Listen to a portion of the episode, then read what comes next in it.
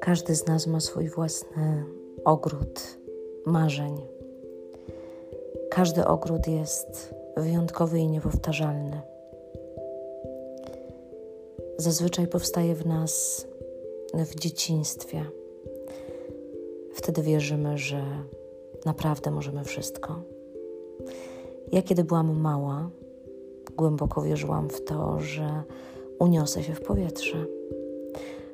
Koło mojego domu była mała górka, z której zbiegałam, i za każdym razem wierzyłam w to, że moje stopy oderwą się od ziemi.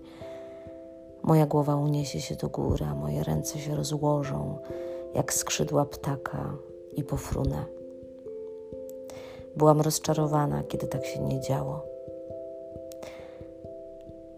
Ale mimo tego, że tak się nie stało, nie przestałam wierzyć w swoje marzenia. Dzięki naszym marzeniom my stwarzamy siebie, stwarzamy swoje własne życie.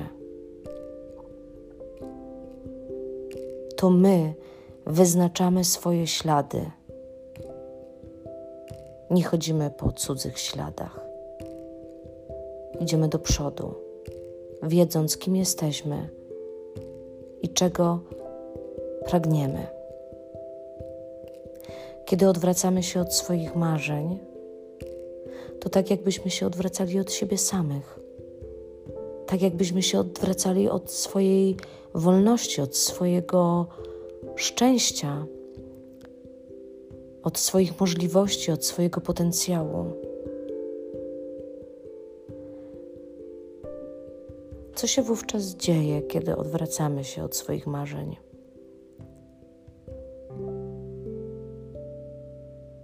Stajemy się nieszczęśliwi, ponieważ realizujemy czyjś plan względem nas.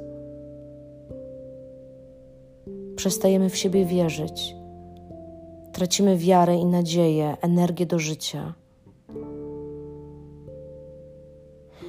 bo odchodzimy od tego, co w nas podstawowe, tego, co niejako otrzymaliśmy jako dar.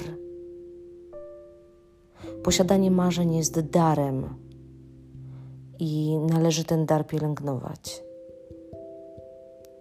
Kiedy przestajemy pielęgnować ten dar, przestajemy pielęgnować siebie, swoje życie.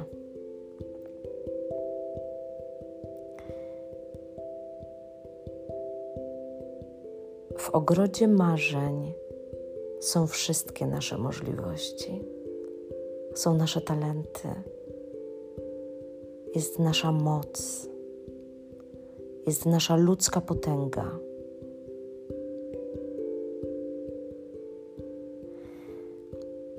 Posiadanie marzeń nie jest rzeczą infantylną i naiwną. Być może niektórzy z nas wstydzą się swoich marzeń, nie chcą się nimi dzielić z innymi, uważają je za coś niepotrzebnego.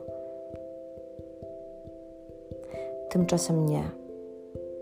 Tak nie jest. Marzenia pozwalają nam żyć. Co więcej, my możemy te marzenia realizować naprawdę w swoim życiu. One wcale nie muszą być fantomami, one wcale nie muszą być tylko i wyłącznie obrazami z naszego dzieciństwa, które chowamy głęboko do swoich szuflad w naszej pamięci. One stają się realnym bytem, jeżeli tego naprawdę chcemy.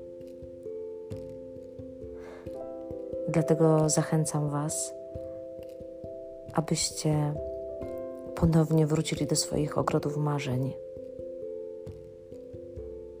I jutro, kiedy się obudzicie, zróbcie pierwszy krok do ich realizacji.